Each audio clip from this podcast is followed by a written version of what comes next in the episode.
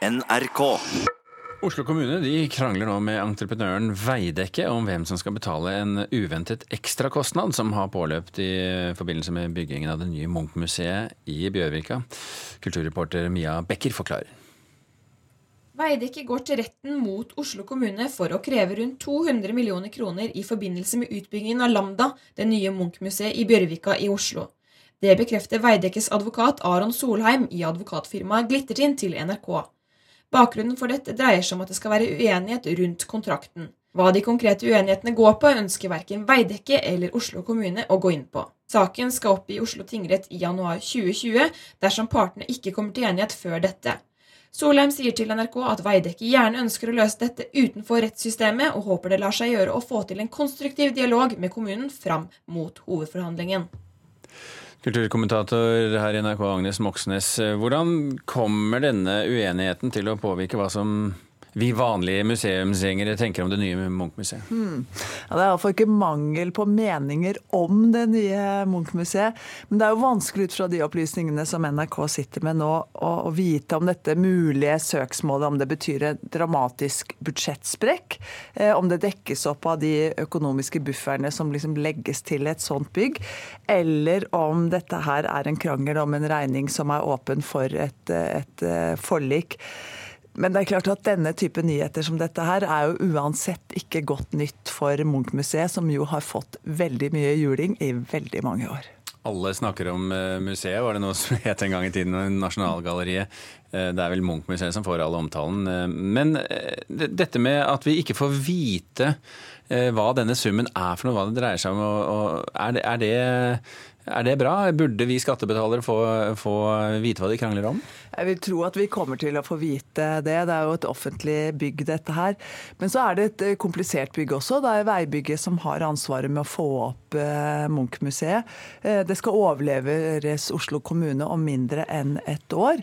Og så vidt jeg har forstått, så handler dette her om selve den betongkjernen som nesten alle de 13 etasjene i dette bygget har i sitt indre. Det er der utstillingene skal være, det er der magasinene er, altså der kunsten skal være. da. Så det, det sier seg nesten selv at det er en ganske utfordrende jobb, fordi det handler om sikkerhet, klimaforhold eh, og publikumsarealer også. Men all denne kritikken eh, som har kommet Lambda, altså dette navnet på dette bygget, eh, den, den siste tiden både den vi snakker om nå, prisen og, og utseendet og plasseringen og alt. Er det egentlig fortjent? Ja, fortjent og fortjent. Vi snakker om et bygg her, eh, Birger, så museet tåler det, nok, eh, tåler det nok. Men det er utrolig mye følelser rundt eh, Edvard Munch. Han er vår mest berømte kunstner. Oslo kommune eier en helt formidabel samling. Så det sier seg nesten selv at det blir debatt om det. Og da går det på, som du sier, plassering, utseende, pris. Og når det er så sterke meninger i sving, så blir det jo også politikk.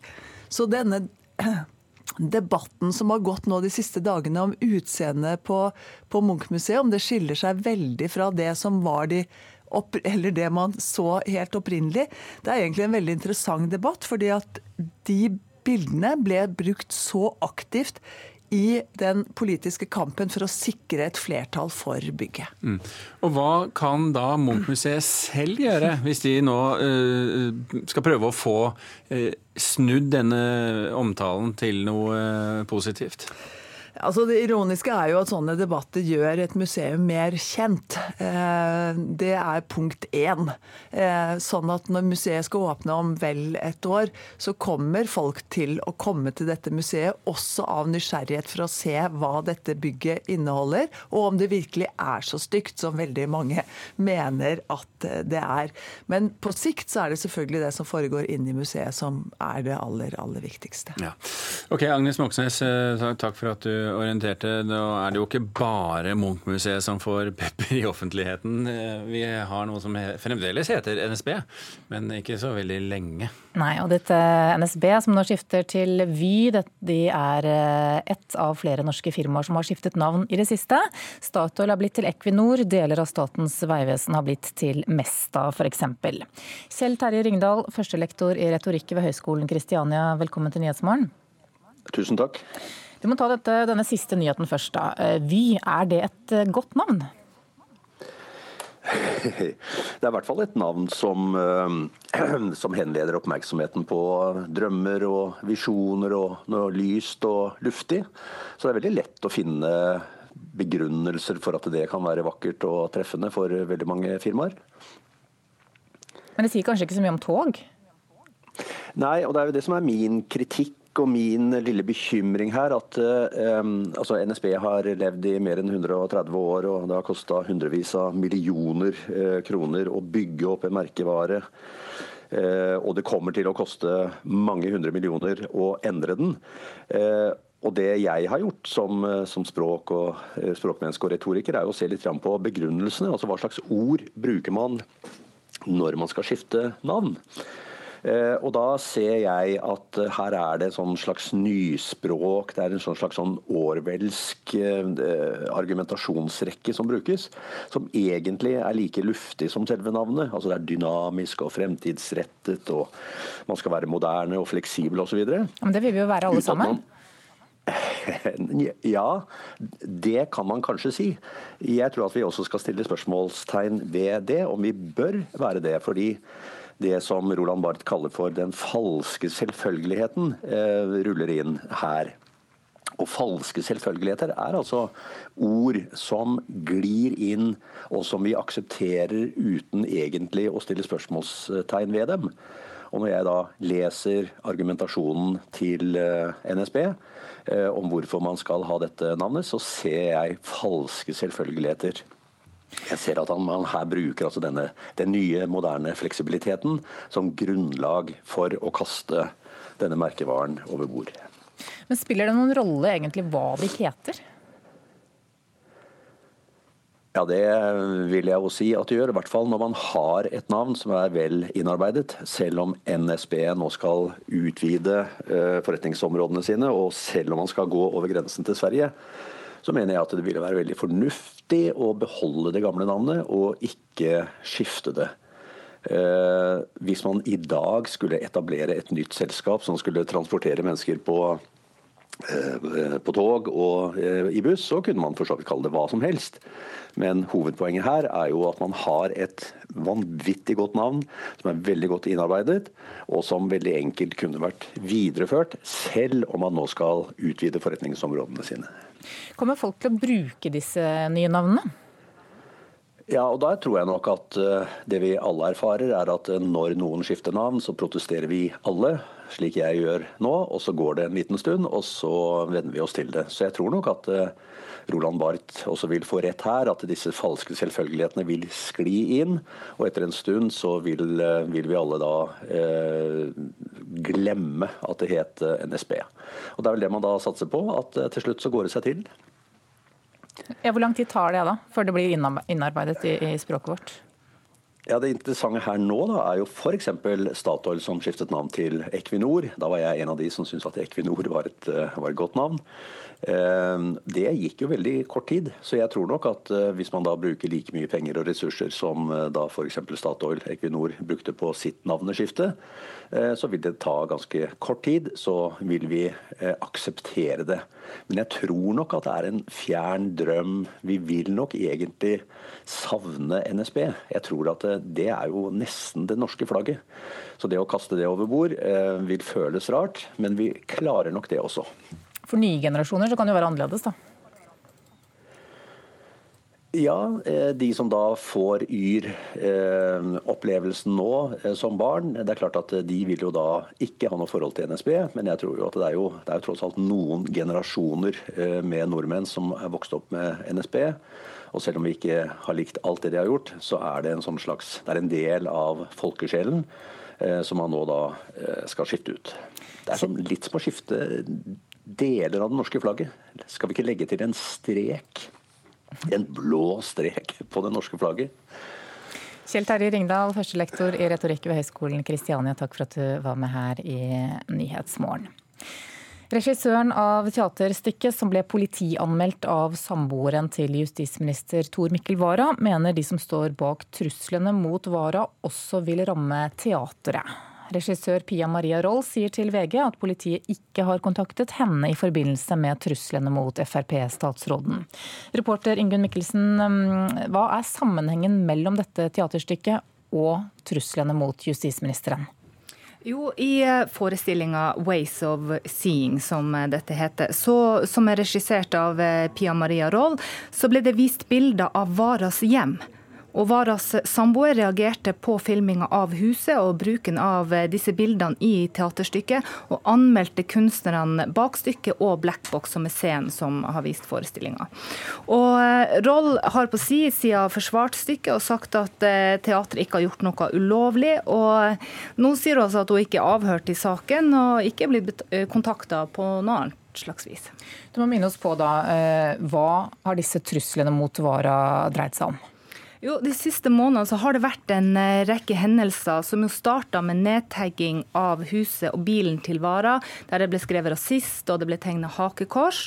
Og Familien har fått trusselbrev, og for et par dager siden så ble bilen hans eh, satt i brann.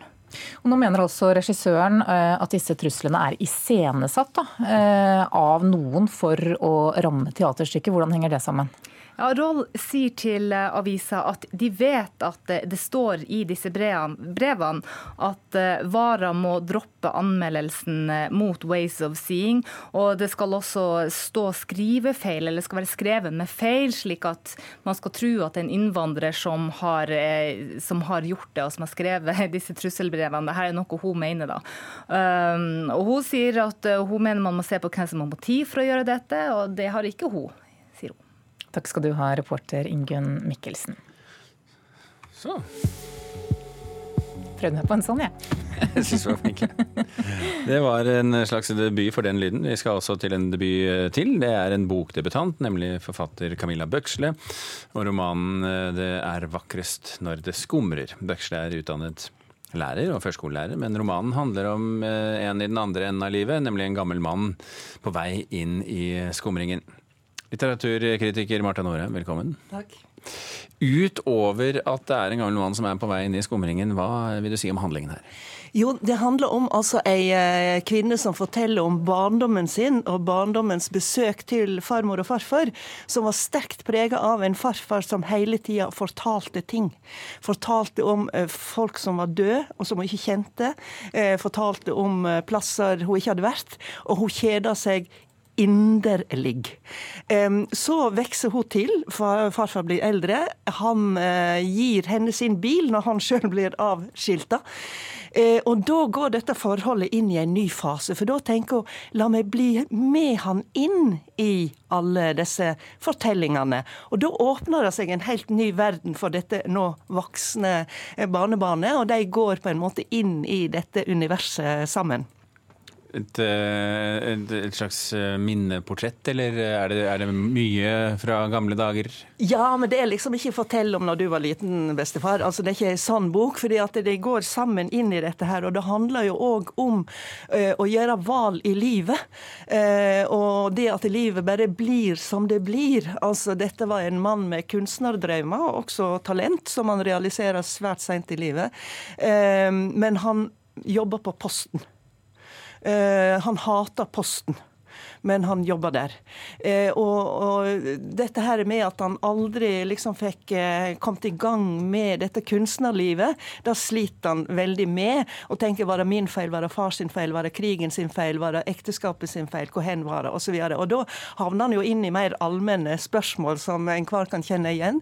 Eh, og i tillegg altså da så får du et bilde av ei tid som er forbi, og måter å leve på i denne her eh, familien, der det er både eh, strengt religiøse bedehusfolk, de som i, i, i, vesentlig grad har tatt avstand ifra det, eh, noen som har kunstnertalent og driver med noe der, osv. En veldig stor vifte av folk som levde sitt liv, og som nå er død. Litteraturkritikere er jo ofte glad i begrepet 'et gripende portrett'. Ja. Vil du bruke det? Jeg vet ikke om jeg er så veldig glad i det begrepet, men akkurat det her så passer det faktisk veldig bra. Eh, det er et gripende portrett. fordi at eh, du, der med at du, du følger han bakover, så, så, ser du dette veldig sammensatte mennesket bak han der som roter med høyreapparatet sitt og ikke får til å knytte skolissene sine lenger. Som er den der litt sånn skrøpelige karen. Men det er et liv der. Og jeg syns at, at hun, forfatteren også var veldig flink til å skjære det til til. Altså, Hun er bare en samtalepartner, men, men alt som skjer, skjer på en måte eh, eh i, eh, fra bestefarsgenerasjonen og bakover i hans barndom og folk han husker da. Og så har du disse refleksjonene som de da deler. Så det blir ikke en sånn dobbeltportrett, eh, men det blir rett og slett eh, eh en, en, gammel mann som hun mer og mer skjønner snakker om de døde fordi at de ikke skal bli borte borte. Eh, og så blir han veldig vemodig over at han sjøl jo snart kommer til å bli borte. Han er veldig imot eh, døden. Eh, og så sier hun ja, men jeg skriver det ned. Og da blir han like glad hver gang. Og, det er jo òg en sånn type komikk i dette her. altså At han glemmer og blir, blir lykkelig hver gang. En gang lager hun middag. Han sier 'har de vurdert eh, husmorskolen'? Um, sånn at det, det, det, er, det, er, ikke bare sånn at 'å, vi skal alle dø', og, og, og, dette er fryktelig trist', og han ble jo aldri den kunstneren han drømte om, men det er også et liv der. Så konklusjonen på dette er enkelt at Camilla Bøksle her har kommet med en god debut? Uvanlig god debut.